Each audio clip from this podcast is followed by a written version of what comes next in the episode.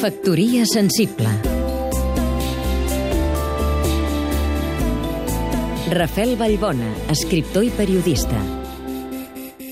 Quan a finals dels 80 una colla de músics inquiets per relligar la tradició amb la modernitat van posar de marxa el Festival Tradicionarius, aquesta corrua de balls i concerts que ocupa les nits de gener fins a finals de març,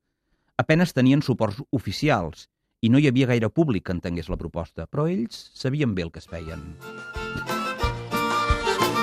Uns anys abans, en Jordi Fàbregas i els seus companys dels Coses havien deixat imprès en vinil un dels millors temes de la música popular, El campaner de Taüll, una vella cançó sobre el poema de Miquel Desclot que va acostar l'estètica folk rock britànica de l'època, a l'estil Fireport Convention, a la música catalana, posant guitarres elèctriques, bateries i pianos Fender amb melodies tradicionals, en una lectura diferent a l'ona laietana i a la cançó, però que acostava l'una a l'altra trobant un llenguatge genuí i propi.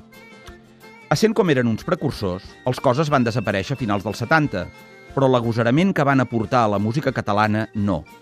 La seva vocació de dignificar i difondre la tradició mesclant-la amb els llenguatges musicals contemporanis, per popularitzar-les, es va convertir l'any 1987 en el Tradicionarius, i així fins a aquesta 28a edició, ara clausurada. Amb espectacles com Ovidi Popular o Fol Laietà, l'harmònica brava 35 anys del disc Lo Poder del Cant, aquesta edició ha insistit amb arguments majors en la idea de la fusió que ha inspirat sempre la feina del festival. Aquesta barreja, que avui tothom ha fet seva per presumir de modern, fa anys que roda de nit per gràcia. Es diu Tradicionarius.